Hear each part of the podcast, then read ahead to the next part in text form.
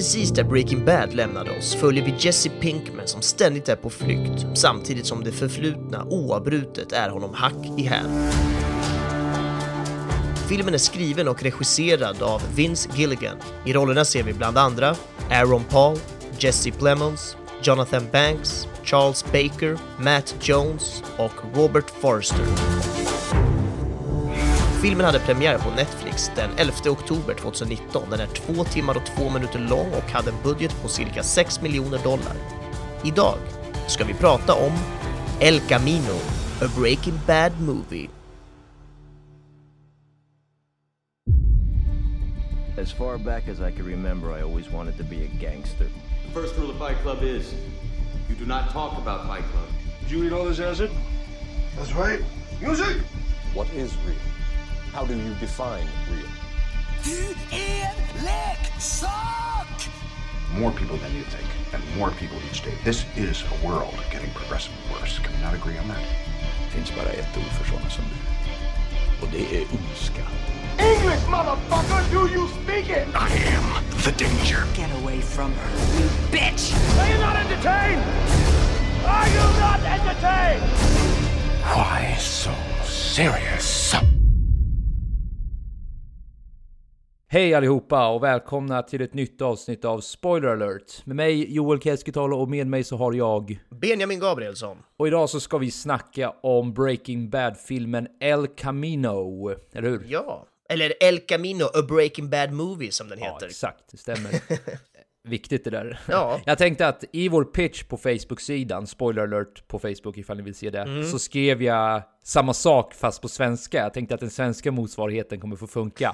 Breaking Bad-filmen El Camino. Men egentligen som du säger så ska det ju vara El Camino, a Breaking Bad movie. Ja. Men eh, ni kommer få rätt om ni söker på El Camino åtminstone. Ja, det tror jag verkligen. Och de flesta vet väl vad det här är ändå. I och med att det är en förlängning av eh, tv-serien så har de flesta redan koll på vad det är vi snackar om, eller hur? Ja, precis. Alltså det kan ju ändå vara värt att påpeka det. Jag utgår från det du nyss sa stämmer, för inte fan skulle någon vara dum nog att bara dra på den här utan någon kontext. Speciellt inte podden efter. Men jag, jag tänker ha det sagt åtminstone, att det här är alltså en film som är, eh, ja den förlänger, det är en Breaking Bad-film, alltså det, det är fortsättningen på Breaking Bad. Så har ni inte sett serien Breaking Bad, så är väl det en gemensam rekommendation från dig och mig att så här, pausa ert liv, vad ni än håller på med, och ta och se den bara. Ja. För det är en av, i- enligt mig i alla fall, och jag tror dig också, en av de bästa serier som har gjorts. Eh, och för gemene man där ute, så om jag nu ska bara fullfölja den här pitchen, vilket troligtvis är onödigt med tanke på att ni är här, lyssnar på den här podden och har troligtvis sett det, men ta er igenom säsong 1 och jag lovar att det kommer vara värt er tid. Ja, Så, Verkligen. nu rör vi oss till podden, eller har du något att tillägga i den pitchen? Nej, men egentligen inte. Jag kan väl bara tillägga att självklart så heter vi Spoiler alert av en anledning. Vi kommer att spoila filmen, men vi kommer ju såklart oundvikligen spoila tv-serien också. Så Exakt. är det så att man inte har sett Breaking Bad-serien, men kanske vill göra det någon gång, då borde man inte fortsätta lyssna på det här. Nej men det, exakt, det kan också vara värt att understryka att eh, Vince Gilligan och Gilligan heter han ju, som du och jag klurade ut för tre minuter sedan. Ja, just det. Inte Gilligan, eh, tror vi i alla fall. Nej. Eh, nej, men han, han har också skapat serien Better Call Saul som går just nu på Netflix. Och eh, vi kommer inte spoila den, eller hur? Utan vi, Nej, eh, vi håller inte oss medvetet i alla fall. Nej, exakt. Vi, vi ska göra vårt allra yttersta. Men den går också nu på Netflix. Har ni missat det och har sett Breaking Bad och är förtjusta i det, ta och se Better Call Saul. Alltså den, den följer, eh, vad ska man säga, den föl- det är Vince Gilligan där också. Så ta och se den om ni har möjligheten. Den finns på Netflix just nu. Så är det, verkligen. Men vi ska inte spara den som sagt. Eh, Du valde den här filmen, så eh, visst skedde det bara strax efter förra podden, men du, du kan ju få berätta, va- varför blev det den här filmen? ja, det var väl nästan som att jag i panikbrist på annat kände jävlar ja, jag ska ju välja en film också Ja, nu när vi sitter och poddar. Du svarade mig när jag frågade bara Har du en film till nästa vecka? Nej! Precis. Och då hade vi ändå diskuterat om att kanske välja den här Ja. när som helst, så att då föll det sig väldigt enkelt att ja, vi tar den helt enkelt. Så den blev det. ja, exakt. Ja. Spontana tankar, vad, vad tyckte du efter att du hade sett den här? Och innan du går in på det, hur länge sedan var det du såg Breaking Bad?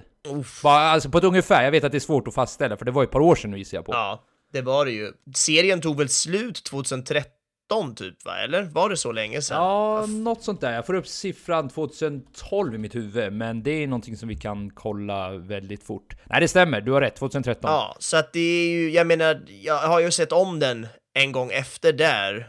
Um, Men för, alltså det, är, det är fortfarande flera, flera år sedan och som mitt minne, som vi har pratat om många gånger, det är ju inte så jävla bra heller. Så att det här, det är ju en serie som jag absolut skulle kunna se om och få en väldigt så här, aha, upplevelse för igen. För att, Dels för att den är så jävla bra, men också för att jag glömmer saker. Så att jag hade inte jätte, jättemycket så här färskt i mitt bakhuvud från serien nu när jag såg den här filmen. Hur hade du det? Nej, inte färskt nödvändigtvis. Anledningen till varför jag frågar är för att jag vill veta så här, om du hade något, eh, vad ska man säga, vad, vad din reaktion var att få se de här karaktärerna igen. Och det är det jag ville baka in i dina spontana tankar här. För Ja, ja, men vi börjar med dig då. Utifrån att det var flera år sedan, kä- kände du någonting att vara tillbaka i Breaking Bad-land? Ja, men det gjorde man ju verkligen. Alltså, jag menar, dels bara den här stilen och känslan som de bygger upp, alltså framförallt Vince Gilligan som han väljer att göra de här serierna och filmerna på, så, så var det underbart att bara få vara med i den världen igen, men sen också då se de här härliga karaktärerna som man känner igen och då framförallt då eh, Aaron Paul, vad är han heter i serien nu igen?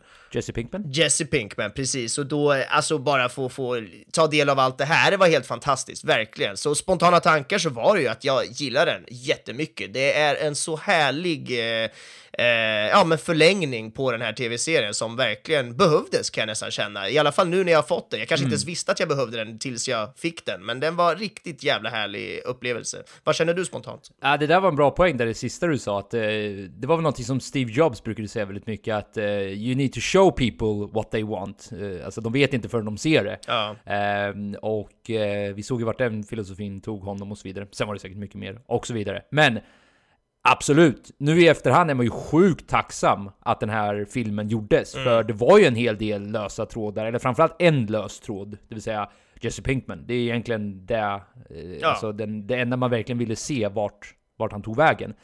Men Alltså jag, jag var så jävla... Och det här var ju anledningen till varför jag frågade också. Jag var ju ett så emotional wreck Ja. stundtals. Alltså jag grät efter fem, min- eh, två minuter in i filmen så att jag grät. Ja, shit. alltså inte störtpöla utan det var ju att tårarna rann liksom. Mm. Men det räckte för mig att få se Jonathan Banks med Aaron Paul där. Mm. Eh, det är ju en throwback till eh, säsong 4.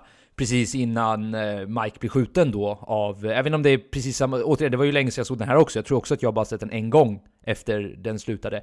Men det är liksom intill den situationen. Och jag bara på mig, det, det är ungefär som, ett- som, som att jag får ett slag i magen, för inte nog med att jag kastas tillbaka i själva Breaking Bad, hur mycket jag tycker om Breaking Bad. Det, liksom, det blir som en tidsresa inom mig också, att jag, jag, jag, blir liksom, jag, jag går lite tillbaka till den personen jag också var när jag såg det där första gången.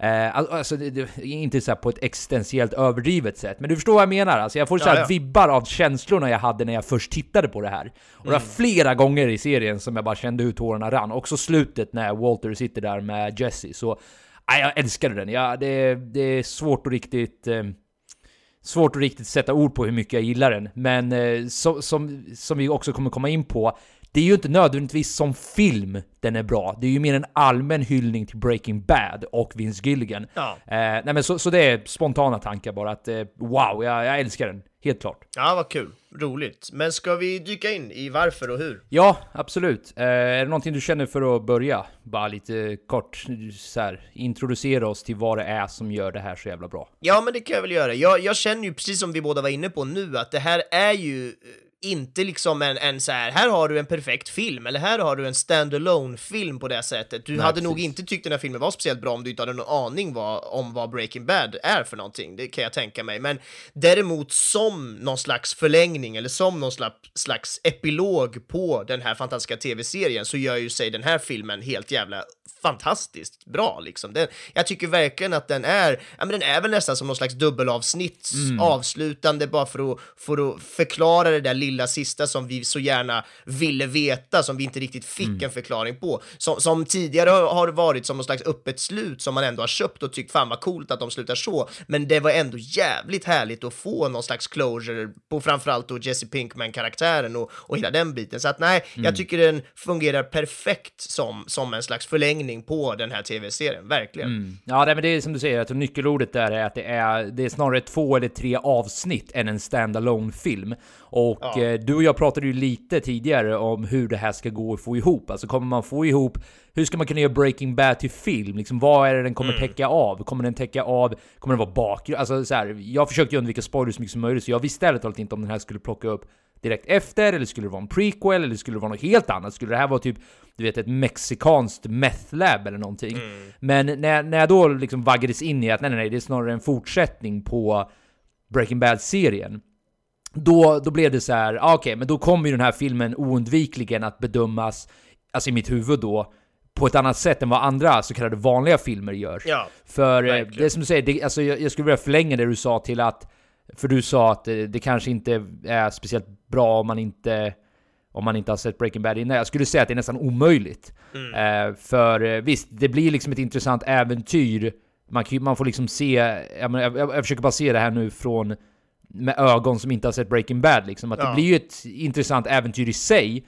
Eh, men alla flashbacks och alla karaktärer och all den här emotionella tyngd som har byggts upp under de här säsongerna. Den saknas ju helt och hållet om du inte har kontexten för, ja, för vad som då händer i den här filmen.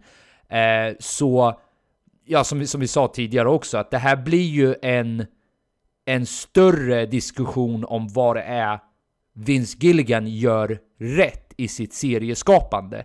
Eh, och eh, så det blir lite annorlunda här, kära lyssnare. Det här kommer kanske inte riktigt att vara en filmreview på det sättet. Även om det är en film så kommer det som sagt bli en bredare diskussion här, troligtvis, över en serie. Eh, ja ett universum nästan. ett universum, ja precis, med tanke på att det finns eh, Better en, Call Saul också, serie som, också. som för övrigt är väl då egentligen det som sker innan va? Det är väl det som sker innan, sen kommer Ja, Breaking precis. Bad och sen nu kommer El Camino som någonting som sker efter. Så han har ju byggt ett helt universum utifrån tre olika, eh, ja, tre olika filmer slash serier då som, som, som alla tre kompletterar varandra på Mm. ett väldigt härligt sätt. Ja men verkligen. Och eh, ja, vi kan väl gå in lite på vad vi tycker Vince Gilligan gör så bra. För eh, han gör, han, det han gör i den här filmen är ju det han gör hela tiden. Och eh, ja, vart ska man börja där? Om vi bara börjar... Ska vi börja med karaktärerna Benji? Kan vi göra. eh, hur han bygger upp karaktärer.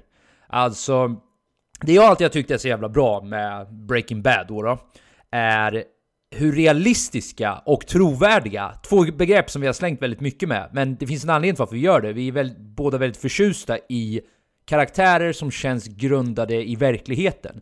Det vill säga, det här känns som en vardaglig jävla du. Det här, det här hade lätt kunnat vara du och jag eh, om vi hade fötts eh, på den här platsen vid den där tiden.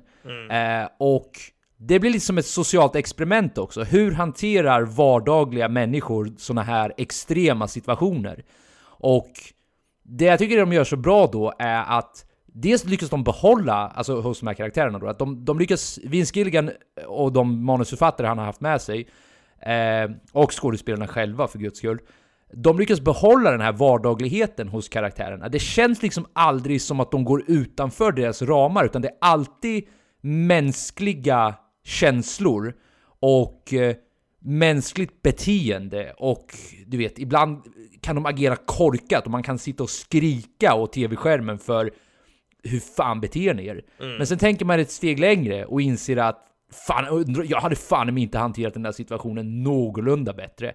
Och jag tycker alla karaktärer uppvisar det här. Alla karaktärer uppvisar en, ett sorts ankare, så här, de är fjättrade till verkligheten. De flyger liksom aldrig iväg. Utan problemen må vara extraordinära, men personerna som bemöter de här problemen är ordinära.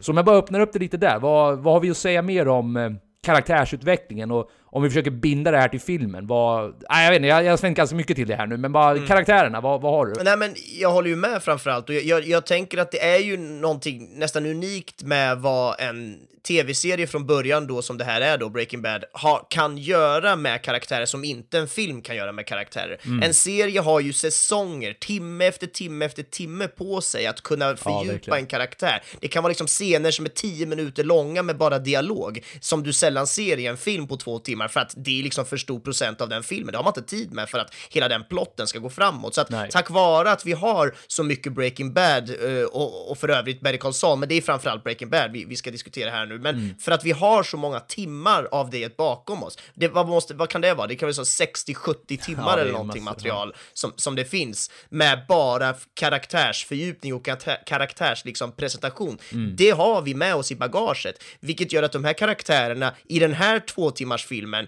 vi har redan allting vilka de är, så nu kan de bara agera utifrån vad som sker och vad som händer Mm. och vi kommer ändå att förstå det utifrån att vi har fått 60 timmars jävla liksom Jaha. extra material innan. Så att det, det finns ju en otrolig fördel med, med eller en, det finns en otrolig fördel en serie har jämfört med en Mm. film med att kunna bygga så här länge. Och det här, den här filmen gynnas ju såklart då av dessa 60 timmar eller vad fan det kan vara material innan. Så att det, ja, men det finns ju någonting otroligt tacksamt när man slängs in i den här filmen, att vi Mm. har redan det där bakom oss. Vi vet redan vilka det här är. Vad händer nu liksom? Och det, det har de ju verkligen nu utnyttjat på ett spännande sätt i den här filmen Mm. tycker jag i och med att det är ju så mycket extrema situationer som bara händer. Det är, liksom, det är ju bara moment efter moment, speciellt då för Jesse Pinkman, hur han ska liksom ta sig igenom de här olika eh, ja, men, svårigheterna. Ja. Ja, men precis. Allt det här som händer på de här två timmarna ska han bara tackla och vi behöver inte veta någonting om vem han är. Vi vet redan. Kör! Mm. Tackla det här nu och försök fixa det. Vi står och hejar på. Det här är som segerloppet i, på slutet Ja, av någon stor jävla maraton eller vad fan det kan vara. Nej, men det är verkligen,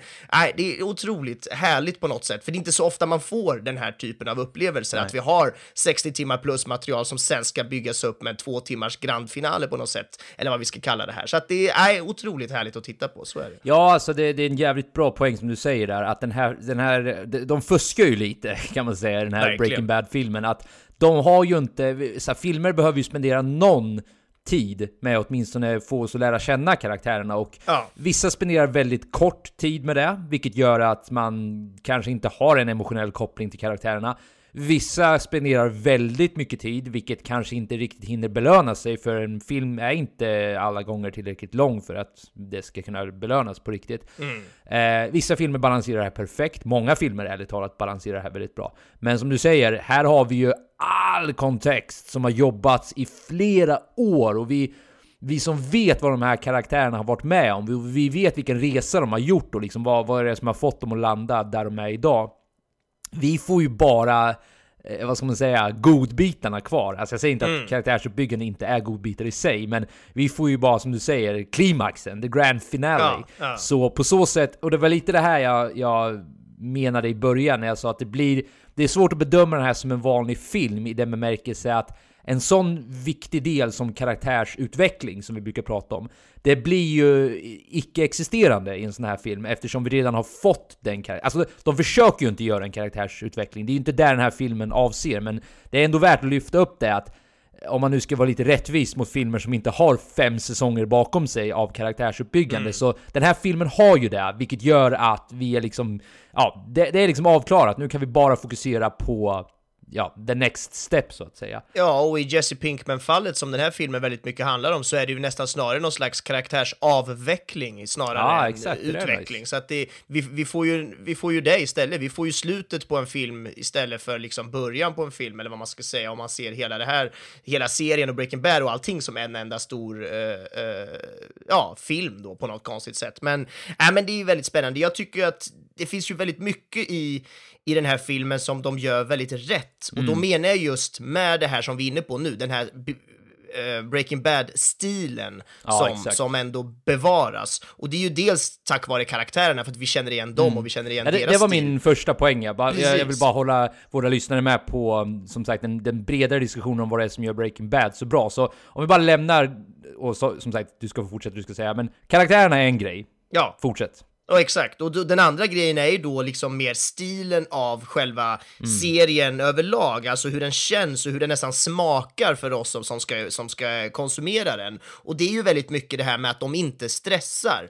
serien är ju Mm, verkligen. känd för att ta sin tid. De är, den är känd för att det kan vara liksom långa tagningar med dialog i liksom, ja men 7-8 minuter där de bara pratar, eller, eller Ja. en lång tagning där de bara går i en öken och det tar tid. Vi har ingen bråttom. Eller när, de, eller när de bara sitter tysta i, eh, i frukostbordet och Ja. tittar på varandra. Precis, precis, för att vi har så mycket tid på oss och det har de även då fått med in här i filmen, vilket jag tycker är härligt, för den börjar ju väldigt explosivt med liksom Jesse som flyr där med skägget i bilen och det är bara så här wow, wow, wow, vad händer nu? Superaction. Men sen så lugnar det ju ner sig och sen blir det ju lite mer det här invaggandet och liksom de tar sin tid och de får den här tempot och pacingen som jag ändå tycker Ja. eh, man kan känna igen från Breaking Bad-serien då och det är ju helt underbart kan jag tycka att de orkar och vågar ta sin tid här, även fast det här är en film då på två timmar. Ja, får jag bara fylla i lite mer där? För det här Absolut. är ju någonting jag tycker Vince Gilligan gör väldigt bra eh, i Better Call Saul också. Alltså det känns nästan som en, eh, vad ska man säga, en, en, eh, en motreaktion. Alltså jag, jag vet inte om han nödvändigtvis gör det här medvetet, han kanske inte alls tänker i de här banorna. Men jag tycker ibland det kan kännas lite som en motreaktion mot många andra serier som går väldigt mycket åt det här du vet, snabba kickar, väldigt många payoffs, Ja. handlingen ska, ska behandlas fort, vi vill komma till de här episka ögonblicken där det är en stor climax och du vet, vi jobbar inför det där. Det känns som att han jobbar emot hela den här trenden och som sagt, det här är mycket väl bara hans stil. Jag vill absolut inte tillskriva honom något sorts, du vet, ah, du vet, Hollywood och allting är på väg åt helvete så jag går åt motsatt riktning. Det är inte det jag säger. Jag bara säger att det är så jävla uppfriskande att se den här långsamma Ja men du vet, inom citationstecken, det händer ju ingenting tempot. Ja, Better Call Saul är ju ett superbra exempel på. Better Call Saul är ett ännu bättre exempel ja, än vad Ja. Breaking Bad är, ärligt talat. För de som klagar på att Breaking Bad är seg, trust me, you haven't seen nothing yet. men det, men det, ska, det, ska, det ska poängteras att seg behöver inte implicera dåligt. Nej, Det handlar bara om att människor är värdelösa. verkligen. Jag skojar bara, ish. Det handlar bara om att människor inte har tålamodet längre att ta sig igenom ett par avsnitt. Och jag- alltså, I don't blame anyone. Alla har saker att göra, eller, äh, bilder att lajka på Instagram och Facebook och så vidare. Vår uppmärksamhet klarar inte av längre att sitta så lång tid, I get it. Men tar man sig igenom en sån här du ser att jag ens använder de orden, ta sig igenom, som att det vore en chore. Men det är till viss del en chore för många människor. Jag finner mig själv där ibland också, ärligt talat. Men tar man sig igenom det, då inser man värdet när saker tar sin tid. Man inser att det, det känns mycket mer autentiskt när saker tar sin tid. För guess what? Livet tar sin tid. Alltså konversationer med andra människor sker liksom oftast inte genom ett vad heter det, finger, fingersnapping. Utan många gånger är det långa vardagliga diskussioner, diskussioner som kanske inte leder storymässigt någonstans. Men det Breaking Bad gör bra och Better Call Saul är att det lär oss känna karaktärerna på ett väldigt mycket bättre sätt än om storyn skulle leda oss dit. Alltså förstår du vad jag menar? Det är inte så att storyn trycker karaktärerna åt situationer där, du vet, här ska deras... Eh, här får vi se vad de är för sorts människor. Till viss del är det så också, som jag nämnde tidigare, att de blir, in, de blir liksom satta i extrema situationer och man får se hur de reagerar. Men innan det har vi ju lärt känna de här karaktärerna på det mest vardagliga sätt man lär känna karaktärer.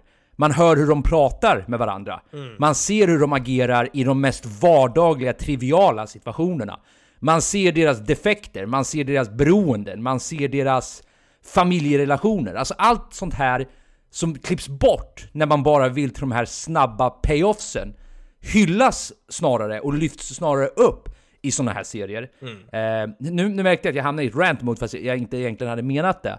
Men vardagligheten helt enkelt. Och jag menar, jag kan ju fylla på det där, för det där är jättespännande, för att det, det där är ju någonting som grundar sig liksom långt tillbaka i filmhistorien när man kollar på olika epoker av hur man har gjort film. Och det finns ju en epok som kallas för neorealismen, som är precis efter andra världskrigets slut i framförallt italiensk film då, där, där de liksom tack vare, eller på grund av, ska jag säga, kriget och dess efterföljder, så ville man göra ett nytt sätt liksom att göra film på. Och dels för att de ville visa hur vardagen var där. De ville visa den hårda, skitiga, realistiska vardagen efter kriget med all fattigdom och liksom dåliga eh, levnadsförhållanden för människor och så. Men också då för att de inte hade så mycket pengar. Det var mycket trasigt och förstört. Då kunde man heller inte göra glassig och glammig film som, som liksom den här eh, studioeran av film hade varit innan, där allting bara skiner och blänker och är snygga skådespelare. Så att det man gjorde då var ju att man satte upp en jävla kamera i en jävla riktig lägenhet, lät en person stå där och bara diska och laga mat i typ så här, ja men en kvart kunde en scen vara utan klipp. okej, och ja. det var liksom den typen av film som gjordes då och, och har präglat massa film och serier Mm. på olika sätt genom åren.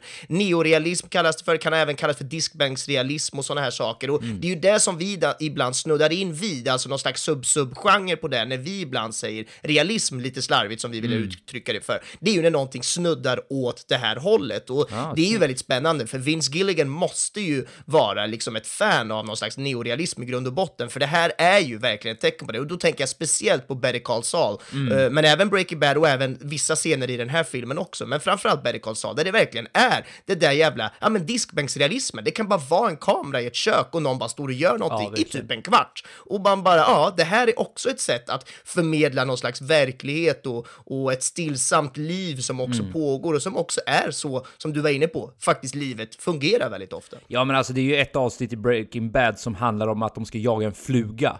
Alltså de jagar flugan i hela avsnittet. och det kan Det är låta... underbart. Ja, det är underbart ju! För det är alltså, man får ju se då, alltså, ja det kan låta löjligt hur jag, jag kanske gör en för stor grej av den här jävla flugan, men allt kretsar kring att den här jävla flugan måste ut ur labbet för i- it's contaminated. Men genom så här, Jesses och eh, Walter Whites eh, jakt på den här flugan så, så får de ändå in den här, du vet, vi lär känna karaktärerna, situationen ännu mer. För nu har de, de har hamnat i en situation där de är, liksom, de, de har stängt in sig själva för att den här flugan inte får dra och de måste verkligen få tag på den. Och man ser också vilken stress i det här fallet Walter är och hur han nästan bryter ihop och man börjar då tänka, aha, det här kanske är en reaktion på Alltså att just, det, det kanske inte handlar om flugan. Det kanske handlar om vilken galen situation Walter har hittat sig själv i. Och så titta bara där, vad ett vardagligt fenomen kan lyfta fram. Vad händer om vi sätter två människor i, som, som liksom har det här förflutna med varandra som de har, i situationen de båda befinner sig i, i ett rum tillsammans i jag vet inte hur länge det ska vara i serien, men det är ju en, mer, det är en hel dag basically. Ja. Eh, vad, vad kan komma fram då in terms of karaktärsutveckling? Ja. Och ja, det är ju det vi får se på det här avsnittet. Precis, och det är ju ett praktexempel på vad en sån serie kunde göra. De kunde slösa eller liksom tillbringa, eller vad ska jag säga, slösa är fel ord för det låter negativt. De kan Mm. offra, det låter också negativt, men du förstår vad jag menar. De kan använda, är väl rätt då, ett helt avsnitt, typ en timme, för att bara använda den här flugan som någon slags narrativ dragningskraft för att presentera de här karaktärerna Mm. för oss, som vi då i den här filmen till exempel Mm. bara vet hur de funkar, för att vi fick det där avsnittet för liksom 50 år sedan känns det som nu. Så att det, ja, men det är otroligt vad, Mm. vad en sån serie med den typen av pacingen och den typen av karaktär, karaktärsutbyggnad kan ha gjort för, för, att, ja, men för att vi ska kunna tycka om den här filmen så mycket, tänker jag också. Mm. Det är väl det som är väldigt spännande här, eh, som vi var inne på i början, ja, att det, det finns så mycket bakom dem som gör att det är helt Ja. underbart att, att glida med i den här filmen. Du, jag tänkte att vi ska snöa in lite mer på själva den här filmen, vad det är som händer den och så vidare. Men Ja. det är en grej till jag skulle vilja lyfta upp i den här mer bredare diskussionen om vad, vad vi tycker gör Vince Gilligans verk så bra. Vi har pratat lite om karaktärerna, vi har pratat, och då blir det lite om dialogerna också, alltså det vill säga hur, hur de, har snuddat lite på det här förut, där hur, hur, de, hur karaktärsutvecklingen ofta dyker upp i de här vardagliga diskussionerna. Eh, och vi pratade lite om pacingen, vi pratade om neorealismen, hans sätt att göra filmer på och så vidare.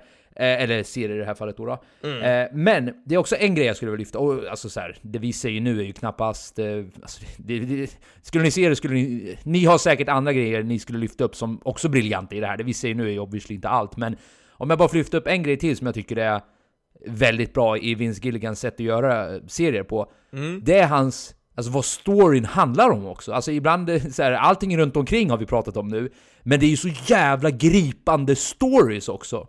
Mm. Alltså äventyren som de befinner sig i, situationerna som sagt, men just vad scenariot som de befinner sig i är för någonting. Som i Breaking Bad till exempel, när det handlar om droghandel och liksom allting vad det innebär. Det börjar ganska så här, på en ganska låg nivå och det är så här, visst det är ju sjukt intressant att få se den här delen av verkligheten, det vill säga den kriminella droghandelsvärlden och så vidare.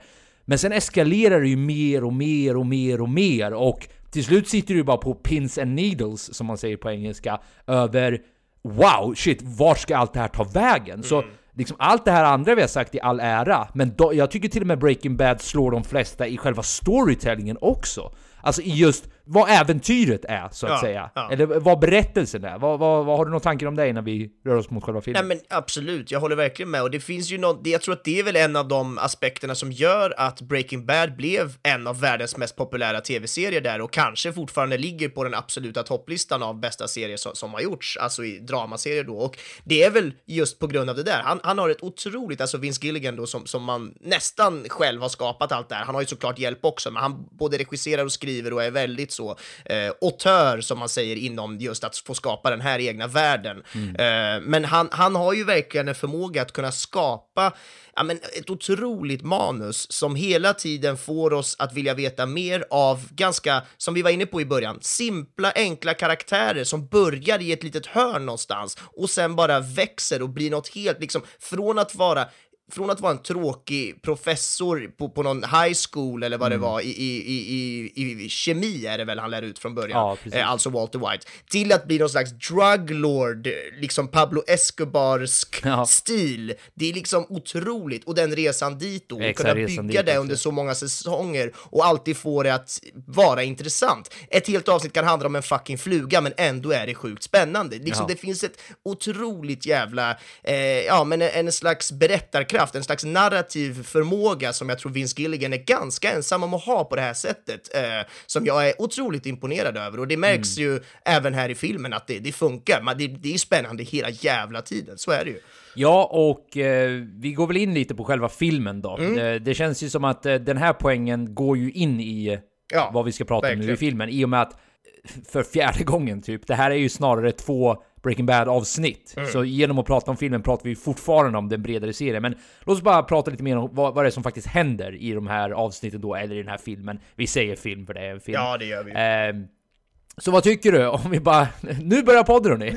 vad tycker du om själva filmen då? Får jag höra lite, lite ja, vad, vad är dina tankar om filmen? Ja, men jag tycker att den är väldigt spännande. Jag gillar ju det här med att vi bara kastas in i början och att det är så här wow, wow, wow, vad händer? Och där kändes det ju inte kanske så här, ja men det kändes som att nu är det här en film mer än vad det var Breaking Bad, speciellt i början av filmen så att säga. Men sen då, desto mer vi kom in i det så vaggades vi in och det blev mer och mer den här Breaking Bad-ska stilen. Men det är fortfarande någonting väldigt, väldigt spännande med hur han väljer att bygga upp det här narrativet. Alltså att vi har dels filmen, vad den handlar om, men även då flashbacks tillbaka eh, som hela tiden fångar oss och ger oss mer liksom lite backstory. Det påminner oss om inte annat om hur det var i Breaking Bad, med olika sekvenser och grejer som händer och hela tiden fram och tillbaka som, som ger oss dels en, en en flashback, alltså flashbacken ger oss dels en slags återknytning och en slags påminnelse om att just det, så där var det förr, men också så här, nya grejer som vi bara, aha, får förklaringar av saker vi inte riktigt visste förut. Samtidigt då som vi får det här nutids eh, eh, av det hela, vilket bara är då ett par dagar, liksom precis efter Breaking Bad slutade i princip, så, så, så pågår ju den här filmen. Så att det finns något väldigt härligt tycker jag i hur han har valt det här, hoppa fram och tillbaka mellan två olika storylines-sättet att berätta filmen på som jag tycker funkar jättebra. Vad Ja, tänker det, du? Ja men det funkar ju skitbra också i och med att han går ju, han retracear ju sina steg också, alltså Jesse. Man får ju se några snygga övergångar när han är i, eh, heter han Todd? Eh, Ja, Jesse Plemons. ja. Eh, när han är i Todds lägenhet, att eh, det är ett snyggt hopp där tycker jag, från dåtid till nutid. Så de jobbar ju väldigt mycket parallellt i den bemärkelse att han är faktiskt på samma plats många gånger och minns tillbaka. För Mm. Exakt. det han försöker göra är ju att hitta pengarna. Mm. Men eh, det jag tycker är så nice med de här storylinesen också, det är att de, de uppvisar det här fenomenet vi har pratat om tidigare, det här med att ska man hoppa mellan karaktärer eller storylines, eller då båda och, vilket det vanligtvis blir, Mm. så måste man ju göra bägge det, det kan ibland vara svårt att balansera de här, i och med att Mm. man kanske föredrar den ena mer än den andra, och då blir det lite som att ah, okej, jag, jag väntar nu eh, genom den här storylinen på att få gå Ja, den tillbaka ena kan till bli som en andra. transportsträcka ibland. Exakt, och visst, det är underhållande på sitt sätt, men det, vi vill egentligen se Tyrion. Det är Tyrion som är den intressanta, fuck Arya liksom. Eh, eh, den här gör ju inte det, den här är ju... Jag hinner ju, alltså det bästa tycker jag ju är när man glömmer bort sig själv i en storyline eh, För att sen bli påmind om att just det, han är ju kvar här för fan! eh, jag känner ju så hela tiden i den här filmen och jag tycker ju, alltså båda storylinesen har ju någonting vi, kanske borde ha eh, en separat, en kort separat diskussion om bägge de här storylinesen. Ja. Eh, så om vi börjar med Flashback-storylinen då. Alltså jag, jag vill bara ha det sagt, det som gör det så jävla bra. Jag tycker Jesse Plemons, a.k.a. Todd, är fenomenal i den här jävla Han är så filmen. jävla obehaglig alltså. Han är så jävla obehaglig, men det är, det är så jävla roligt samtidigt. Alltså det, Ja. det är en sjuk sorts humor som lyckas krypa fram Mm. med hans, dels hans skådespeleri såklart, Jesse Plemons, all heder till honom, men också hur välskriven den här psykopatiska karaktären är. För du vet, det är så absurda situationer man befinner sig i. Du vet, han beter sig vänligt mot Jesse, Otroligt vänligt. Alltså bästa Otroligt vänner vänligt! typ. Eller ja, men, familjemedlem ja men basically vänner. Han typ, ja men jag, jag tror han säger någonting i stil med, alltså du vet när, när de går in i när de går in i Todds lägenhet och de Mm. hittar mm. den här städerskan på golvet leg legandes Och Jesse reagerar som vem som helst skulle upp bara Jesus what have you done? Och Todd bara så här. "Ah, Don't make me feel worse than I already do så. Det känns så jävla vardag, så var, okej det är ungefär som att han har typ, jag vet inte, spilt ut lite sås på golvet. Du, kan Exakt. du hjälpa mig att plocka Och upp så det fort här? han är klar med att liksom, med hjälp av Jessys hjälp då, rulla in henne i mattan, då är det direkt så här, men du ska du ha lite soppa förresten? Och så Ja, går han exakt. liksom till köket och börjar koka, du kliver över henne samtidigt som han tar upp en kastrull och börjar prata om Ja. vädret basically. Det är så här, jävlar vad det är så mycket casual sweetness i den mannen som gör att man, ja men hade man bara sett den här filmen nu och inte sett liksom sekvensen när, när Jesse är nere i en bur, bara sett de här scenerna i köket, då hade man bara, men gud, de är ju härliga vänner och det är en underbar kille som bara råkar döda någon. Mm. Men tack vare att vi vet hur fucking skruvad och mycket sjukt han har gjort sen innan så, så blir det ju bara extremt komiskt för oss, som du är inne på. Det blir en mörk jävla humor där vi får det här ja, men otroliga psykopat-tänket som bara lyser igenom. Ja, det är fantastiskt. Ja, och det är också ett nice, eh, alltså det, det känns också som en eh, härlig, rimlig grej som händer också. Alltså, Ja. i och med vad vi vet om Todd, och nu går vi tillbaka till det här karaktärsuppbyggandet som vi pratade om tidigare, som den här serien har haft fem säsonger på sig. Mm. Men i och med att vi vet vem det här är, så är det inte orimligt att det ligger en död eh, Hushållerska eller hushållerska Ja. i hans lägenhet. Det är inte alls orimligt. Och det är inte orimligt heller att han ber Jesse om hjälp. Allt det där känns på något sätt, ja det är Todd liksom. Det är klart som fan att det här ska hända. Men bara för att ringa in det här scenariot, jag tycker allt det vi har sagt nu om just den här den här storylinen, den tycker jag ringas in när de sitter i bilen. Eh, du vet, Jesse är, han har blivit så här instoppad i baksätet. Och Jesse Plemons, a.k.a. Todd, sitter och sjunger, vad fan heter den? Sharing the night together eller något sånt där. Och han, och han bara sitter där, du, du kanske kan klippa in lite av den här nu bara för att få- lite bild där, men han bara sitter där som att det inte är någonting, du vet det är vackert väder ute och du vet, han, har, han, han liksom verkligen lever sig in i låten och du vet skakar på, ja det är så vackert allting. Det tycker jag på något sätt ringar in på varför han är en så fantastisk karaktär, för han har den här ambivalensen att Ja. å ena sidan så är han verkligen en psykopat, men det är just det här som gör det så roligt, för att han är så jävla careless på något sätt. Precis, och det finns ju, just i den scenen du nämner där med, med bilscenen när han sitter och sjunger, då filmar de ju den scenen också på något sätt så att det, man ser ju bara Todd sitta och sjunga och man antar ju att Jesse sitter bredvid och så får man se det en liten Ja, stund. exakt. Och sen helt plötsligt så klipper de till en annan vinkel, det vill säga Jesse sitter inte ens bredvid, Jesse ligger där bak med det där jävla liket och åker liksom. och han hör musiken dessutom! Det är helt otroligt, så jag klockren scen. Ja, nej men så, så de- den storylinen tycker jag funkar otroligt bra och mycket Ja. där är tack vare Todd, a.k.a. Jesse Mm. Plemons. Har, har du något mer du tycker vill lyfta upp i den storylinen? Nej, inte som jag kommer på nu, vi får komma tillbaka till det i så fall. Ja, men vad tycker du om vad jag skulle vilja kalla huvudstorylinen? Du kan väl börja där, lite tankar Mm. Ja, men om... nutiden eller vad vi ska kalla Ja, det exakt, på något sätt. nutida ja. Ja men ja, fantastiskt. Jag menar det är ju där vi på något sätt kastas in och det är väl det där som är där man egentligen kanske har varit lite Ja men man har väntat på, eller kanske inte väntat har jag inte gjort, det var vi inne på i början också, men jag ändå, nu när jag fick det förklarat så har jag känt gud vad skönt det var att få veta hur det här gick till. Ja. Alltså vad hände med Jesse efter vi får se honom i sista avsnittet på Breaking Bad? Och det var ju ändå otroligt att få den förklaringen och de här, ja men de olika situationerna som händer och vad han behöver ta sig igenom för att klara det här. Och jag tycker de, de gör det otroligt bra. Det är en superspännande storyline som, som i sig är väldigt spännande och cool och intressant att få följa, men som också stärks då av att vi hela tiden får flashbacks tillbaka. Så att de har ju upp, ihopflätningen av de här storylinesen tycker jag blir, ja men riktigt jävla vass eftersom det blir underhållande och spännande hela tiden när man kollar på det. Ja, det jag tycker är nice här också är att eh, den här storylinen lyfter också upp en, en annan grej som jag tycker Breaking Bad gör väldigt bra. Det är att när de väl introducerar twister så känns det inte som orimliga twister, utan det känns väldigt givet att det skulle vara så- en sån där twist. Jag tänker till exempel på när Jesse är i Todds lägenhet och ska försöka... eh, Han ska väl hitta pengarna, det är väl det som är hela Ja, poängen. ja. Eh, och eh, de där eh, så kallade poliserna. Eh, som, som egentligen är vanliga jävla plebs. Eh, dyker upp där och ska ja, stjäla pengarna de också. Efter, alltså när den twisten har...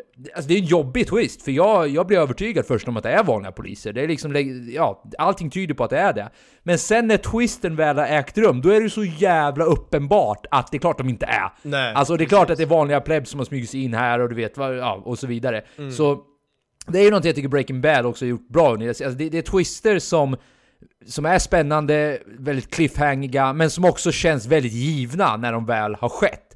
Det känns liksom inte helt galet det heller att det där skulle kunna hända, utan Mm. Tvärtom, det där känns väldigt givet. Det känns sällan som en efterkonstruktion som det kan göra ibland, utan det där känns ju mer som att det här är någonting ni har byggt på länge nu Ja, och precis. vi fick det revealat för oss på ett väldigt logiskt sätt. Det var mer såhär, ah, of course, vad dum jag är som har missat det där, snarare än oh my god, var kom det där ifrån? Så att det, Ja, men exakt. Exakt, men det, exakt, det är ett bra sätt att phrasa Ja. det på. Eh, har du något mer på, på just de här storylines-grejerna du var inne på? Ja, alltså, jag, jag har jättemycket mer. Ja. men, men eh, får jag lyfta upp två saker till bara? Absolut. Eh, och det är återigen tillbaka till vilket fantastiskt karaktärsbyggande det är. För hela uppdraget för Jesse är ju att ta sig härifrån. Han ska ju ta sig... Han ska ju spendera en otrolig summa pengar för att kunna hyra den här... eh, Jag kommer inte ihåg vad han heter nu by the way. Han som är... eh, Han som ser till att eh, han kommer till Alaska så småningom. Ja just det, han som Eh, jobbar som vad heter han i serien? försäljare. Ja, jag kommer inte Ja, ihåg precis. vad han heter. Nej, får vi ens reda? Det är väl kanske lite det som är poängen, att man inte ska få reda på. Men ni vet vem vi pratar om. Vacuum cleaner-snubben som ser till att folk försvinner när de betalar jävligt mycket pengar. Ja, Eh, exakt. I och med vad vi vet om honom också, jag vet inte hur mycket du minns om honom, men han har ju alltid, i det lilla vi har fått sett av honom så är ju han den här sticklern som verkligen är punkt och prickat. Allting ska ske på mina villkor. Det här är en så pass riskfylld idé och jag står för mina principer så varenda dollar ska vara medräknat. Ja. Han lever ju upp till det här också. Det, det, man blir otroligt frustrerad på honom för Jesse saknar vadå? 1000 dollar, han har gett honom cirka 200 000 eller något sånt där. Det är helt galna siffror. 1 och 8 tror jag det som saknas. Ja, exakt. Han saknar så mycket. Eh, men det känns också så jävla givet, givet vad vi vet om den karaktären. Att ja, det är klart, din jävel, att du ska vara en sån jävla eh, så här stickler till allt det här. Men det är också det som skickar in mig på den sista poängen som jag tycker är så jävla nice i den här eh, storyn.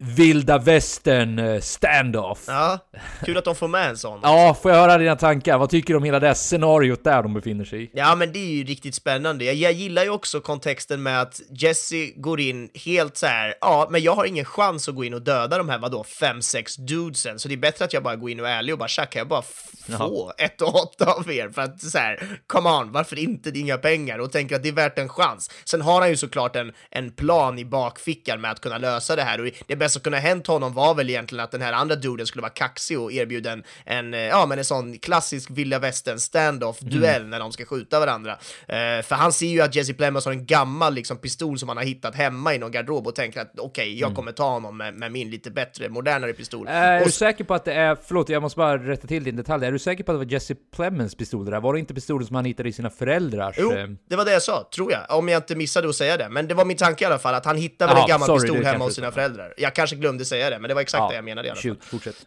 Nej men så att eh, jag tycker att den, hela den uppbyggnaden på scenen kändes, ja men återigen, ganska trovärdig. Det hade inte varit lika nice tycker jag om han hade bara åkt in dit och bara yeah, puff, puff, puff, du vet, börjat skjuta och läsa. Nej, Utan nu precis. var det så, ja men han går in och försöker vara en ärlig dude och sen blir det inte så, men så löser han det ändå på, på något jävla sätt. Och, nej, jag tyckte det var riktigt eh, nice scen, nice stand-off, hela den grejen. Ja, den kändes också, med tanke på vilket state of mind de där är, så alltså du vet, de är, de är superkolade, de är high Ja, on ja. life, de har haft så här, prostituerade där nyligen. Ja. Eh, det, det, alltså, jag skrattade när han, han ville ha den här standoffen, för Mm. det var verkligen du vet såhär kokain-hybris typ, att jag är så störst i världen och du vet Fuck you min polare, jag ska ha en standoff, det är vad jag ska ha här. Ja. Så till och med det var verkligen så här bravo, alltså vilket jävla sätt att få det avslutas på. Jag kan dock se en viss kritik komma krypande här om man ska vara väldigt granskande, för Ta till exempel när de började skjuta på varandra efter. Ja. Eh, att, eh, som att Jesse verkligen, ja vad är oddsen att han skulle komma undan där?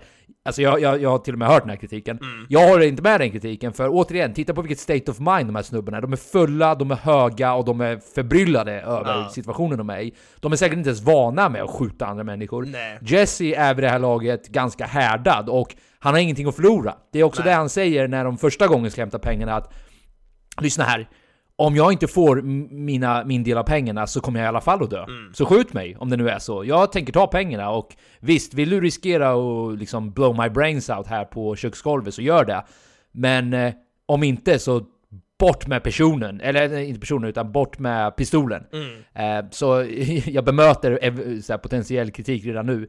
Eh, men Ja, det var väl det jag hade att säga. Eh, Ja. Snygg conclusion på hela den storylinen. Ja, Ja, conclusion blir ju sen de drar till Alaska, men ja, det, nice med den där standoffen om vi säger så. Ja, nej, jag håller helt med. Jag tycker det är klockrent. Eh, kan väl slänga in bara som jag tycker var en nice detalj. Det finns ju massa sådana nice små Easter eggs som gömmer sig överallt. Men en sån lite som jag tyckte var extra nice, som du och jag speciellt har pratat mycket om, ett av våra favoritavsnitt kanske från eh, hela Breaking Bad-serien, eh, som jag ska knyta an till nu då, det är ju just det här med att i Todds lägenhet så är det ju ett terrarium med en spindel. Ja, och vi vet ju det. båda att det är ju den, troligtvis kanske det är den spindeln han fångar upp då, för det är väl han som fångar den i en glas... Det är en pojke som Ja. fångar den i en glasburk, sen tar han den glasburken på slutet, eller hur är det? Ja, jag tror det är så ja. ja. Men hur som helst så är det en liten pojke i det här avsnittet som tar upp den där spindeln i en glasburk och det slutar ju med att Todd skjuter honom och det är väl där Todd så här spårar ur galna karaktärs grej kommer fram på något sätt. För innan det har han varit väldigt försiktig och ganska så här, ja men en nice dude som vill hjälpa till, men sen efter det så blir han ju bara mer och mer galen. Så att det där är ju så jävla nice detalj att den spindeln, eller ja, åtminstone en spindel för att referera till den där scenen i, den, eh, i det avsnittet är med där. Det tycker jag är riktigt härligt. Alltså, du vet, jag, jag frågade ju dig, jag taggade ju dig häromdagen i ett E IMDB-inlägg Ja. eh, från IMDBs Facebook-sida där, eh, där frågan var vilket är, ja men någonting i stil med vilket är den perfekta avsnittet i en TV-show. Mm. Eh, och eh, vi, vi började diskutera lite det, men nu när du påminner mig om det där avsnittet Ja. så är det nog fan med det som är ett av det. För det, det avsnittet, av- ja. Ja, jag hade glömt bort det nu, nu när, innan Ja. du sa det nu. Men det avsnittet tror jag är det bästa avsnittet jag har sett någonsin. Bara, just delvis den där detaljen du sa där, men bara den har verkligen allt. Mm. Den har verkligen spänningen, den har ett intressant scenario, den har höga så high stakes, du vet vad, vad står på spel här. Mm. Den har en otroligt bra twist som binds ihop då genom början på avsnittet. Ja. Så ja, nice att du påminner om det. Ja, den är så jävla nice. Jag blev så glad när jag såg spindeln där i Todds lägenhet och bara kände ah, det var där allt började. Den spindeln är liksom startskottet på hela hans, ja men psykopati som vi får se i den här filmen om inte annat. Du, det avsnittet heter Dead Freight och det har 9,7 eh, i betyg på IMDB. Ja, det är omtyckt. 20 000 röster. Ja, men roligt. Men med det sagt då så är jag ganska nöjd med snacket om filmen. Det finns såklart tusen mer Ja. grejer vi kan snacka om, men vi börjar bli långa här så det kanske Absolut. är bra att avrunda. Vad säger du? Ja men absolut. Eller Vi, eh, avrunda ska jag inte säga, gå till det eh, tekniska exakt, det jag vi, vi, vi rundar av det här Ja. snacket och går till det tekniska. Ja. Så kan vi säga. Eh, ja, men tekniskt så är den här filmen eh, filmad digitalt med en Arri Alexa 65. Eh, det är egentligen två tydliga skillnader rent utseendemässigt från eh, eh, serien då, eh, Breaking Bad jämfört med den här filmen. Och serien är ju för det första filmat analogt med film i kameran, så att det är ju en liten sån detalj som man, som man ser om man tittar noga på grynighet och kornighet i bilden. Och det beror ju på att Breaking Bad, när den började spelas in 2008, det var ju strax innan film eller digitala kameror blev helt standard på marknaden helt enkelt. Så att, men idag är ju det helt standard, så att det är därför de har använt digitalt. Och eh, den andra skillnaden är ju det här med formatet på bilden. Och det är ju att den här, eftersom det här är en film och det är en långfilm, så har de ju valt att filma den i det här jättebreda widescreen, liksom old school filmformatet. Eh, 239 kolon 1 som det heter. Eh, men det betyder ju egentligen bara att det är superbred widescreen, medan tv-serien Breaking Bad är ju snarare filmad i det här lite vanligare tv-formatet, 16:9 istället, så där det inte alls blir lika såna här tjocka svarta remsor upp och nere över bilden. Så att det är lite sådana stilistiska skillnader som man kan se. Eh, men förutom de skillnaderna då så är det ju väldigt, väldigt likt både Breaking Bad och eh, Better Call Saul alltså i hur stilen är. Och det är ju verkligen hur Vince Gilligan gillar att göra det här. Och det är ju fotot framförallt som jag kommer snöa in lite på här som är, ja men det är otroligt jävla snyggt. Och det är, det är väldigt så Ja, men det är vackra helbilder, det är, det är mycket långa tagningar, det är mycket kort skärpedjup och de älskar ju att jobba med såna här breda bilder. Det passar ju så bra i de här ökenklimaten som de ofta befinner sig i också, där man ser mycket, liksom, det ska vara brett, man ser mycket horisont och grejer i bild och det funkar väldigt bra då med så här stora vidvinkelsbilder. Och sen är det ju mycket sån här Eh, ganska coola och innovativa kameravinklar som de använder sig av. Där kameran till exempel, ja men den kan rulla liksom så att den hamnar nästan upp och ner ibland för att någon tar något steg mot en vägg eller den kan filma rakt ner uppifrån eller den kan sitta fast på en bil på olika sätt och åka runt och det finns otroligt mycket sånt där som jag också känner igen från de här tv-serierna som, som de får med i den här filmen också som jag tycker är så jävla härligt att se. Den här nästan, ja men som jag var inne på, innovativa, att det alltid finns något slags nyskapande och lite nytänk och bara kreativitet i hur man kan filma det. Dels för att det ska bli lite snyggt, men också för att det ska hjälpa till i berättandet på olika sätt och bara skapa mer spänning till hela storyn. Så att jag tycker sånt gör de så jävla bra och det, det är jag så glad av att se. Eh, man brukar ju i filmer eh, och serier skilja på flashbacks eh, gentemot liksom de vanliga scenerna i en film på ganska tydliga sätt för att hjälpa åskådaren att kunna se skillnad på det här. Eh, några enkla eller sådana vanliga knep ska jag säga som används är ju till exempel att en flashback då kan vara filmad i till exempel svartvit eh, för att man ska se en tydlig skillnad på okej, nu är det en flashback, nu är det svartvit alltså, nu är det inte svartvitt, det betyder att nu är det inte en flashback. Eller så kan det vara att det är väldigt blått, eh, så blå grading eller blå ljussättning på. Det kan vara olika grejer med ljuden, det kan vara massa olika sådana eh, stilistiska eh, verktyg som man använder för att hjälpa tittaren att, att se skillnad på en flashback och en inte en flashback helt enkelt. Eh, och det diskuterade de ganska mycket här då, fotografen som för övrigt heter Marshall Adams och har även jobbat en hel del på Breaking Bad och Better Call Saul, framförallt på Better Call Saul där han har varit eh, starkt samarbete, eller stort samarbete okej. med, med, med Gilligan. Och Eh, Eh, ja, men jag lyssnade på en podd med, med Marshall Adams, då, fotografen här, och, och då, sa de, då sa de det att de hade diskuterat fram hur de skulle skilja på de här flashbacksen och vad de skulle vilja göra. Och de har ju gått igenom att alla de här grejerna som, som jag nämnde som exempel nu, och bara nej, nej, det blir för tydligt, det blir, vi vill inte riktigt ha det så, det ska liksom inte vara så där övertydligt. De funderade även på om de skulle leka med just formatet som jag nämnde i början, eftersom filmen är ju filmad med liksom det här jättebred bild widescreen-formatet, som de istället då skulle göra flashbacksen då i till exempel 16.9-formatet, vilket var det som Breaking Bad var filmat i, så hade man kunnat sätta en skillnad på det sättet. Men det tyckte de också blev lite too much och det blev lite för övertydligt, så de nöjde sig, vilket jag tycker är väldigt spännande, med att alla de här flashbacksen som vi ser i filmen är filmade med handhållen kamera. Medan de resterande inte flashbacksen är filmade mycket mer stabilt, det vill säga med dollys eller stativ eller steadicam och liknande. Så att det finns en härlig, liksom ja, väldigt, väldigt intressant. subtil distinktion. Ja, man märker det ju knappt egentligen om man inte verkligen fokuserar på hur de har filmat de här olika scenerna. Men det är en härlig sån liten skillnad som, som jag tycker är väldigt så, ja men en snygg detalj som, som ändå hjälper till på något litet sätt att, att skilja dem åt. Och det, det älskar jag när de håller på på sådana saker, med, på sådana sätt. Ja, nu vill man ju nästan se om det bara för att fånga upp den här detaljen. Det Ja. jävligt intressant. Eller hur? Det kan man ju absolut göra. Om inte annat kan man ju scrolla igenom det eftersom den finns ju på Netflix. Så det kan man ju bara, bara för att se om man ser någon skillnad. Ehm, ja, men sen ett annat exempel på såna här eh, lite mer innovativa och galna sätt att filma och göra det på för att kunna berätta. Det är ju den här eh, ehm, scenen när Jesse är i Todds lägenhet och ska leta efter pengarna. Då kommer det ju en kameravinkel som är rakt ovanifrån när man ser hela lägenheten som en slags avskuren nästan liksom eh, planritning nästan, helt, helt ovanifrån. Är du med på vilka jag menar, Joel? Ja, kanske. Är det först när han kommer in i lägenheten eller är det mer när de har... Nej, det är mer när han håller på och letar. Det är en timelapse. Så det är han är själv i lägenheten och han håller på och letar efter pengarna. Och då så kommer en kameravinkel helt plötsligt som är liksom 30 meter rakt ovanifrån lägenheten och det enda du ser är liksom öppna väggar. Det ser ut som en labyrint. Ja, ungefär. ja, ja, okej, och så okej, är det en timelapse, det vill säga att det går helt fort, snabbspolat. Ja, och det är ju en sån väldigt häftig effekt då med, med, med just timelapse, att det är liksom snabbspolat på det sättet. Men det som är extra häftigt är just det här med att hur de har gjort den scenen överhuvudtaget. Att kameran är 30 meter ovanför lägenheten som ser helt så här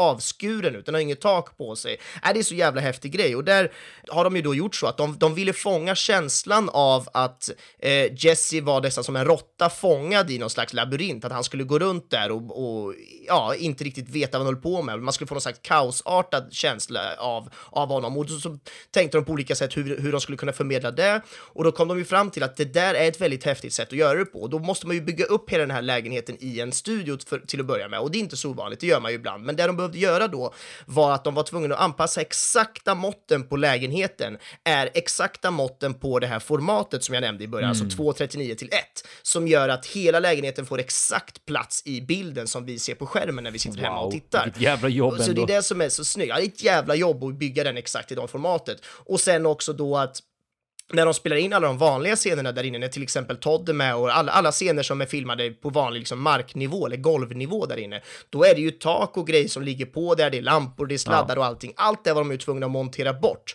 för att kunna ta den här ovanifrån bilden då.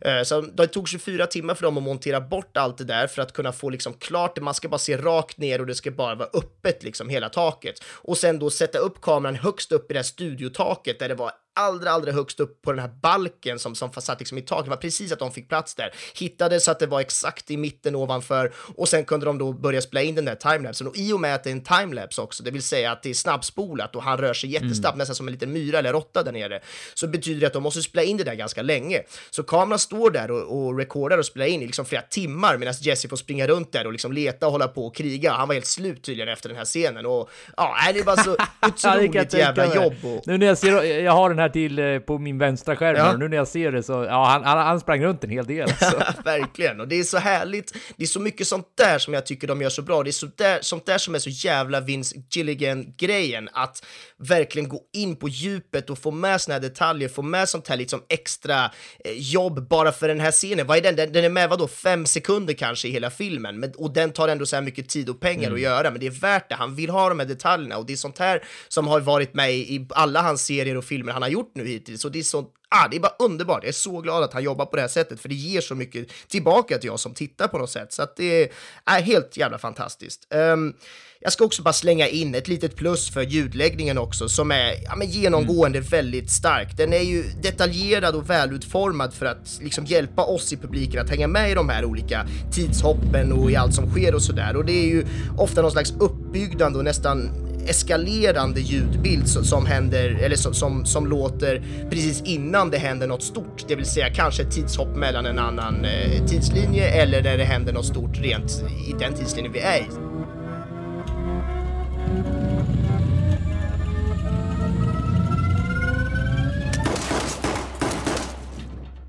Det finns massa sådana olika knep och, och, och snyggare små tricks som de har använt i ljudläggning som jag tycker är ja, men skitsnyggt också. Men framförallt så är det ju fotot och hela den estetiken som de gör så jävla bra, som verkligen är... Mwah! Ja, jag njuter, så är det. Ja men det kan jag tänka mig att du gör. Du, du har ju en tendens att gå igång på de här vinklarna av en film så att säga. no pun intended där. Men det jag vill bara lyfta fram lite Ja. med just ljudläggningen också. Förutom att det är den här ambient-ljudet som du och jag är väldigt förtjusta i generally. Ja. Så är den ju väldigt sparsam tycker jag samtidigt med att använda ljud. Alltså jag gillar ju hur den är det är väldigt, inte väldigt mycket ska jag inte säga, för det är mer i serien än vad det är i den här filmen kanske, men mycket naturliga ljud och ibland bara konversationerna man hör och så här, när de är ute på vägen till exempel, då är det en låt som spelar i bakgrunden och där har vi också det där som jag aldrig kan uttala riktigt, men didaktiska versus icke-didaktiska, eller hur är det Eh, du menar ju det? diegetiska eller icke-diegetiska Diegetiska, exakt, ja, ja, ja. Eh, vad har vi på, kan du uttala det en gång till? Ja, diegetiskt. Diegetiskt. Så det, det, grejen är ju då att diegesen kan man säga är det som är, händer i filmen. Så ett diegetiskt ljud är ett ljud som även de personerna i filmen hör. Till exempel musiken på radion om han sjunger med i den. Då är det ett ljud Ja. som är diegetiskt ljud för att han också, personen i filmen hör det. Medan filmmusik eller sånt som ligger på som bara vi hör, det blir då icke-diegetisk musik för att det inte tillhör själva diegesen. Så kan man säga. Ja, och det är ju ett sånt ögonblick, eh, eller framförallt, jag, jag, jag, jag minns inte om det är fler, men det är åtminstone ett, och det är ju det ögonblick jag pratade om förut när Todd sitter i bilen och sjunger med, och du vet Ja. först så, du vet, det hörs ju jättemycket för oss tittare Mm. Och så zoomar det in och man får se hur han sjunger det, och så zoomar det in ytterligare och man får höra Jesse höra liksom eh, delar av det. Ja. Så det som jobbar med det också, men annars tycker jag ambiensen och, eh, ja men tre saker. Ambiensen, alltså det ambienta ljudet då, då eh, som stämningsupphöjande. Det naturliga ljudet, eller så här vanliga låtar helt enkelt. I det här fallet så var det ju, jag sa ju det förut, Sharing the Night Together tror jag den heter. Mm.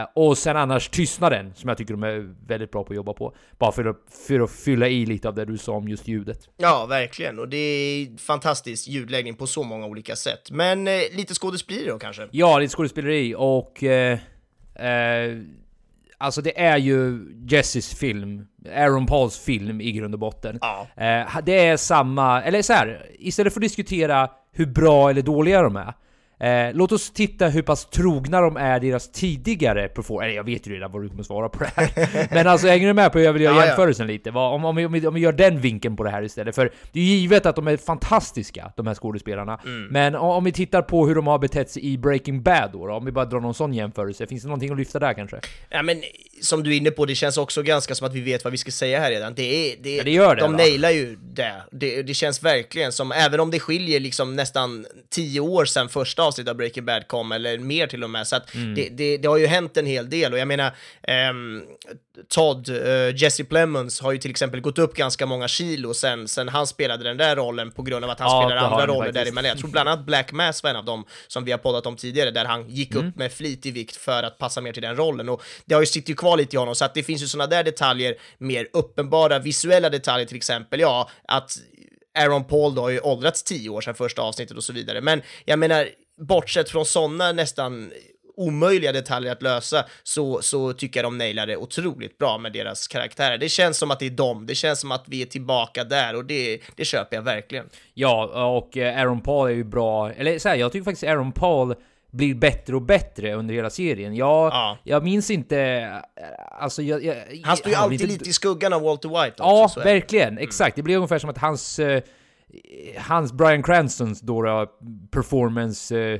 ja, det, blir, det blir som en stor sol på något sätt som verkligen drar Ja. till sig all uppmärksamhet och man kan nästan inte undgå att liksom skinas av det. Sen dyker det upp många andra bra, alltså jag menar Jonathan Banks har ju blivit min favorit eh, till stor del nu tack vare Better Call Saul också. Mm. Men... Eh, Han är för övrigt den enda som är med i alla de här tre. Eh, alltså Ah, både just filmen det. Breaking Bad och ehm, eh, Better Call Saul. stämmer ja, stämmer. Snyggt. Mm. Ja men verkligen så är det ju Aaron Pauls film kan jag tycka. Alltså, det är ju, det, han gör så mycket. Och jag har ju suttit och funderat på här att eftersom han stod så mycket i skuggan på något sätt av Walter White, med all rätt på något sätt, för Walter White var helt fantastisk i Breaking Bad, så känns det här nästan skönt att han får liksom sk- skina och han får huvudrampljuset och han får vara the main character utan tvekan och, och får så här mycket screen time. Så att det finns ju någon liten del av mig som tänker att fan, han skulle ju lätt kunna få en Oscarsnominering för det här och det är ju True, skitstort för honom kan true. jag Jag tänka inte mig. Eftersom det här är ju en film. De andra, alltså för Breaking Bad och allting, då får man inga Oscars, då får de väl Emmys, eller vad heter det?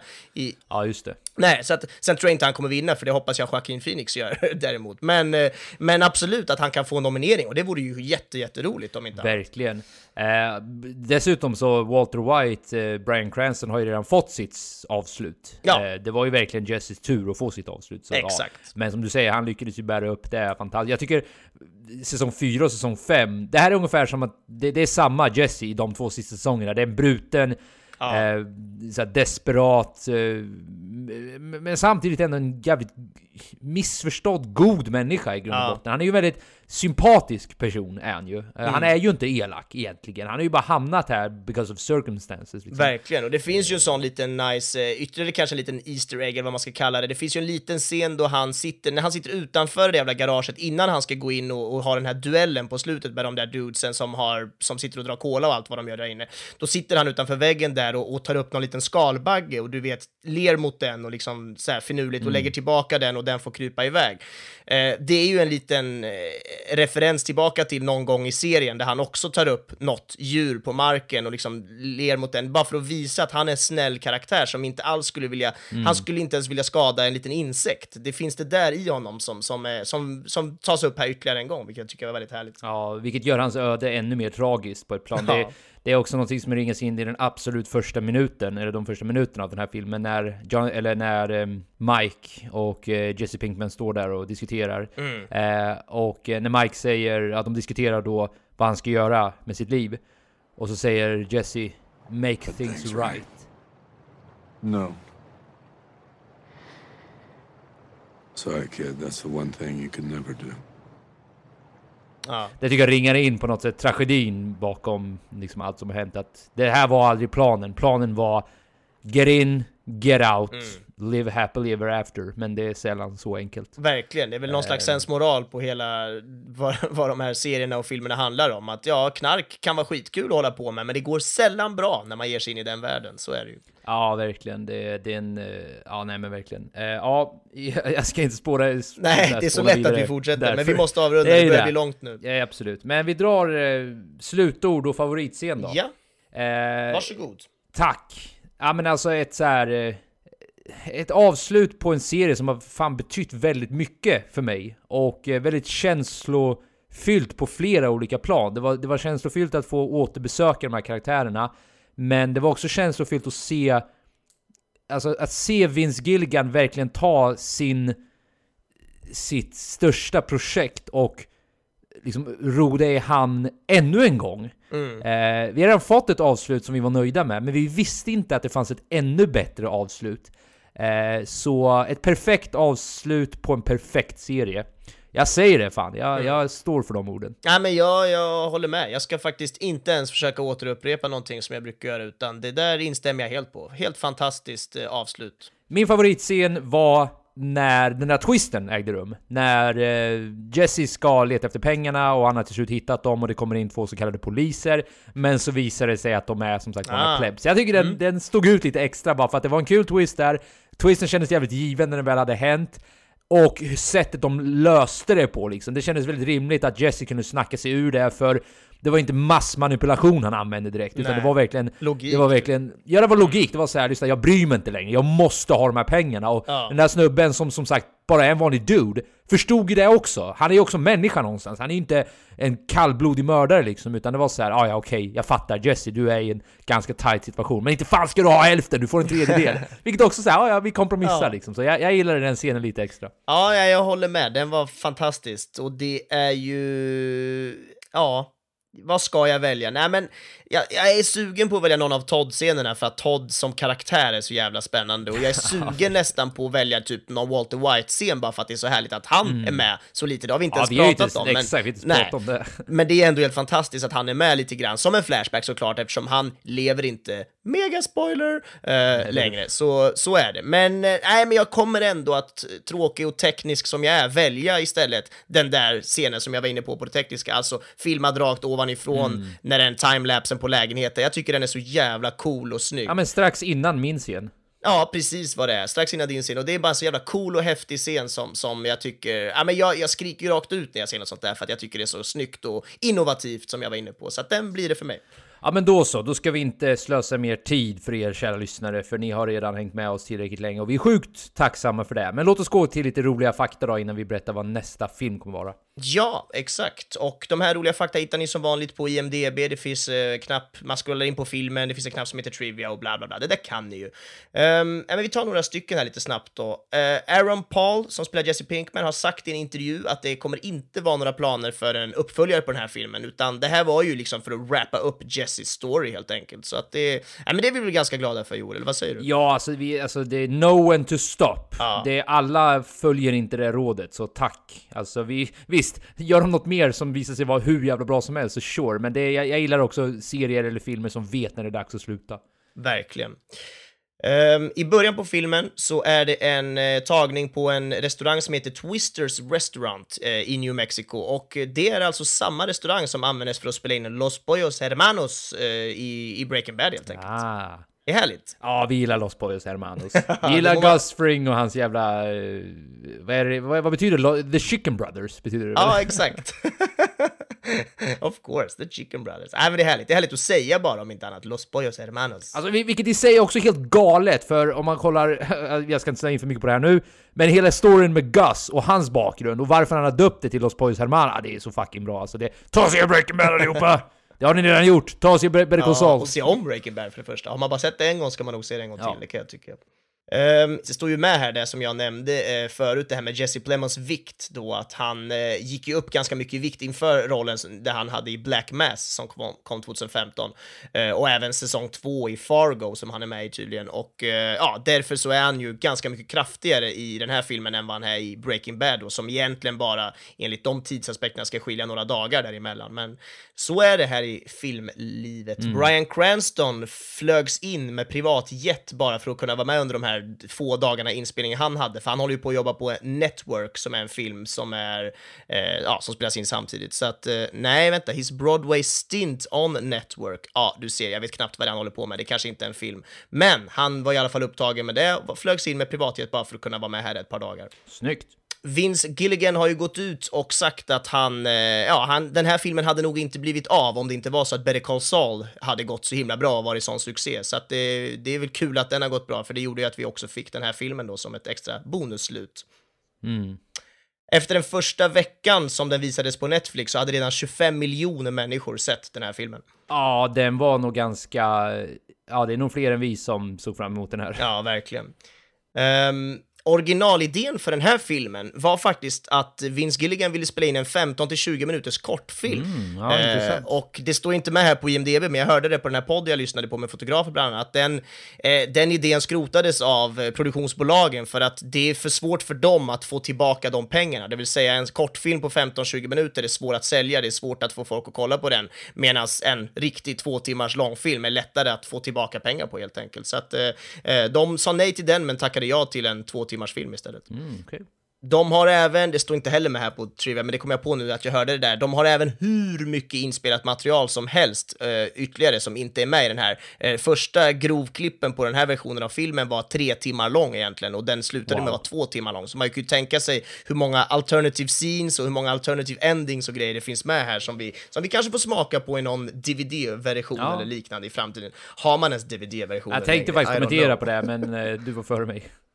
Ja, men en liten till då. Um, det är lite kul att ordet El Camino, det är ju den här bilen för övrigt, heter ju El Camino, den bilen som han snor av Todd, som, som Jesse åker runt i och, och sen, ja, som är helt efterlyst, den sportbilen. Den heter El Camino, filmen heter El Camino och El Camino är också ett anagram som på franska blir Le Camion, vilket betyder the truck som alltså skulle kunna vara då deras den här husbilen som de har kokat meth i alla säsonger av Breaking Bad. Ja, just det. Ja, men med det sagt så tackar vi nog för Trivias den här gången. Det finns hur många som helst att läsa igenom om man vill. Yes, då nästa film kommer att bli The Revenant. Oh, wow, du väljer den alltså? Ooh. Ja, för det här är ju en av dem som inte jag har sett. Wow! Eh, okay. Exakt, och jag sökte nu bland så här. Eh, ja, jag, jag vänder mig inte till den vanliga Notorious filmlistan jag brukar prata om. Utan nu scrollade jag faktiskt bara randomly på IMDB, lite på Netflix och sådär.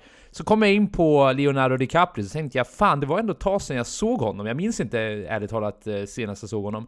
Sen kom jag ju på, vänta, gjorde inte... Jo, The Revenant! Oscars-nominerad! Oscarsvinnare! Och jag har fan mig inte sett den! Enda så, Oscar han har vunnit som, som blev kors i taket ja, för många, att det blev just den. Lite av en meme där också, ja, precis. Ja. Att stackaren, han får alltid sitta där och applådera åt andras Oscarsvinster. Exakt. Eh, så The Revenant från 2015 eh, blir näst, nästa veckas film. Ja men kul att du väljer den ändå, för jag har ju sett den när den kom, men typ inte sen dess, så jag ser gärna om den. Och framför mm. allt så är det ju ett helt sprängt jävla foto i den, alltså det är så jävla sjuka. Ah, okay, cool.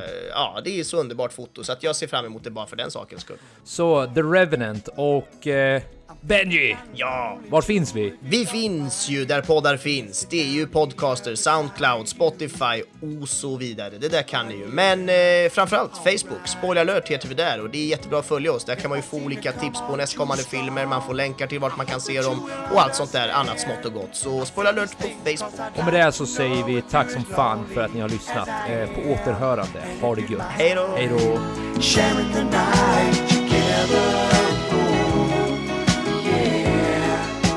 Sharing the night together.